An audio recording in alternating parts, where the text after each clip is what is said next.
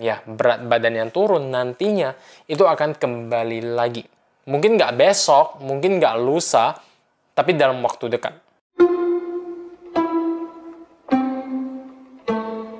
Hai semuanya, selamat datang kembali di channel The Doctor's Diet. Selamat datang kembali di seri Ask the Doctor, di mana saya menjawab pertanyaan dari teman-teman semua dalam bentuk video. Pertanyaan hari ini datang dari Kiki Pau. Dok, teman saya ada yang tanya, dia itu awal diet ekstrim, makan cuma 500 sampai 800 kalori, padahal kebutuhannya itu 1000 berapa gitu, saya lupa. Dia tahu sekali ya. Nah, sekarang kalau makan nasi dan yang berat-berat, berat badannya langsung naik dan dia panik gitu. Secara dia kalau makan jadi cari yang enteng-enteng supaya berat badannya nggak naik. Enteng ini gimana? Kerupuk misalnya gitu ya.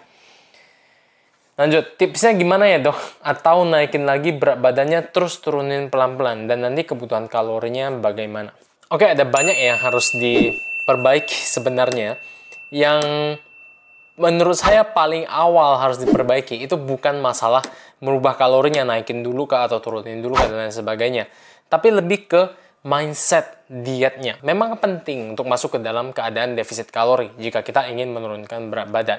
Tapi itu pun setelah kita menghitung kebutuhan kalori kita, mendapatkan TDI kita, lalu melakukan defisit kalori secukupnya dan tidak terlalu ekstrim.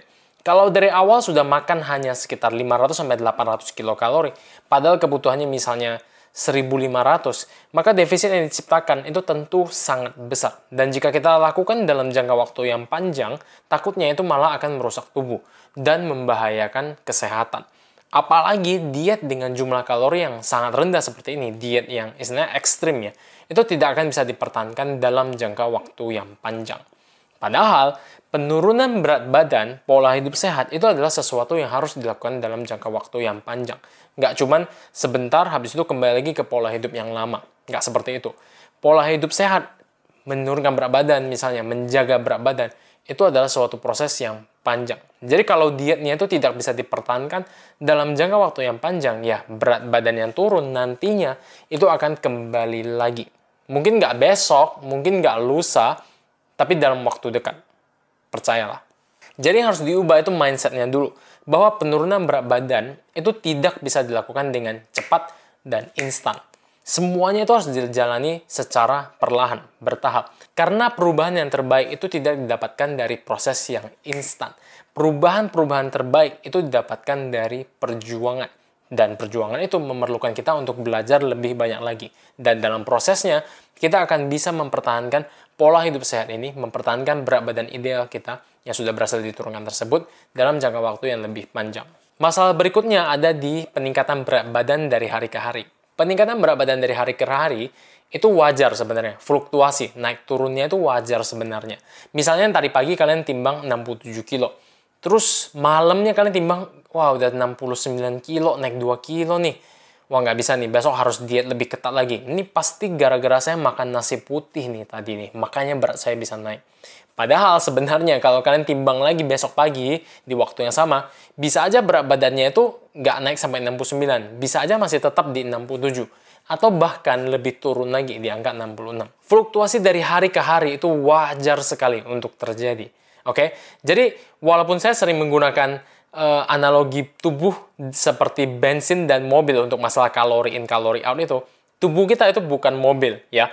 Kalau misalnya mobil kalau bensinnya habis ya berarti ada yang pakai nih. Kalau bensinnya naik ya berarti ada yang isi. Sesimpel itu kan. Tapi tubuh kita itu tidak sesimpel itu. Apa yang kita masukkan ke dalam tubuh, kapan kita memasukkan makanan atau minuman tersebut ke dalam tubuh, berapa jumlahnya, lalu bagaimana cara kita bergerak setiap harinya, apa jenis olahraga yang kita lakukan, berapa intensitasnya, semuanya itu mempengaruhi berat badan dan komposisi tubuh kita. Teori sederhananya memang kalori in versus kalori out. Tapi faktor-faktor yang mempengaruhi kalori in dan faktor-faktor yang mempengaruhi kalori out itu ada banyak banget. Dan bahkan ada faktor-faktor lain di luar kalori in, kalori out yang bisa mempengaruhi keseimbangan kalori, mempengaruhi komposisi tubuh kita. Dan hal ini nggak bisa dilihat sesederhana ini dalam satu sisi ini saja. Nggak bisa. Karena tubuh kita ini kompleks banget. Jadi saran yang bisa saya berikan untuk temannya Kiki Pau yang udah baik banget ya mau nanyain buat temannya atau memang cuman kepo aja sama temennya, bisa minta temennya untuk nonton video-video saya tentang teori kalori. Teori kalori ada part 1 dan juga ada part 2. Setelah itu kalau mau mengulang lagi mengatur ulang cara dietnya, bisa mencoba cara diet pemula. Di sana saya juga menjelaskan tentang teori defisit kalori juga, bagaimana cara mengatur dengan kebutuhan kalori tersebut. Jadi bisa dilihat dari sana dulu, tips-tipsnya bagaimana dan lain sebagainya. Oke, okay? lalu mulai juga berolahraga. Jangan lupa untuk berolahraga. Jadi jangan dilihat hanya dari sisi kalori ini, tapi juga fokus di kalori outnya. Mulai olahraga, mulai dari jenis-jenis yang disukai. Lalu kalau misalnya memang nggak cocok, bisa coba olahraga-olahraga lain lagi. Siapa tahu ketemu olahraga yang cocok, yang disukai sama temennya Kiki Pau ini susah banget deh. Pokoknya cari olahraga juga deh. Habis itu lakukan secara rutin, tingkatkan konsistensinya, belajar lebih banyak, dan seterusnya.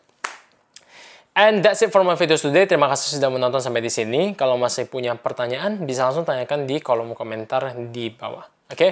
I'll see you in the next video. Bye.